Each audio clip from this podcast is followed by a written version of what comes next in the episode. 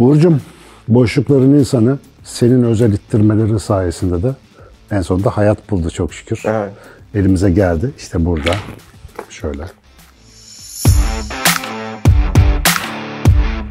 Boşlukların insanı.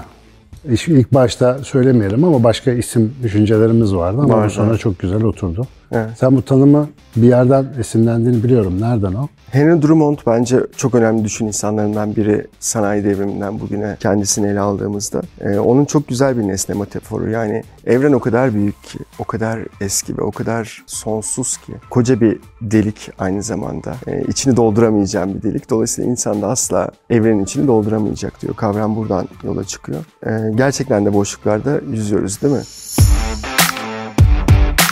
Aşkın içini doldurmaya çalışıyoruz ama Apollon değiliz. Tüketimin içini doldurmaya çalışıyoruz ama yeteri kadar hiçbir zaman tüketmeyeceğiz çünkü Midemizin sınırı isteyeceğiz. Midemizin sınırı belli. Bilginin sonsuzluğu içerisinde hangi bilgiyi dolduracaksın? Örnekler hatırlanabilir ama o yüzden sanki insan sınırlı yolculuğunda, sınırsız bir boşlukta salınıp giden bir şeye benziyor. Senle bizi buluşturan konu da zaten bu ya işte bu keşfin sınırı olmadığının reklamını yapıp duruyorum senelerdir. Ha. Kime karşı ama öğrendim ve her şeyi çözdüm diyen ve dedirten bakışlara ve görüşlere karşı. İnsanları belli bir yerlere rapt eden, ideolojilere hapseden, bağnazlıklarda kilitleyen bir sürü ideolojiye rağmen diyoruz ki hayır keşfedilecek çok şey var. Burası bizim için çok çok büyük bir yer. İşte temaşa edelim, öyle geçelim. O yüzden hakikaten sınırsız bir boşlukta, sınırsız bir keşif ve genişleme imkanıyla yaşıyoruz. İnşallah sen de ben de benzer kafalarda olduğumuz için şu metin biraz birilerini gaza getirir de üf her gün aynı, ay çok sıkıldım,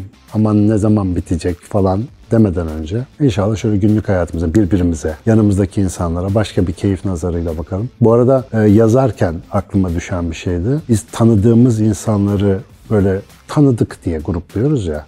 Halbuki esas boşluklar orada var. Yani esas oraya bir yakından bakınca seninle bunu yazarken mesela ayrı bir tanışıklık, ayrı bir yılların getirdiği bütün hikayeden başka bir şeye dönüşüyor. Bir nazar edelim eşe, çoluğa, çocuğa kim varsa etrafımızda, anaya, babaya. Başka bir keşif çıkacak oradan yani bence. Sonu yok.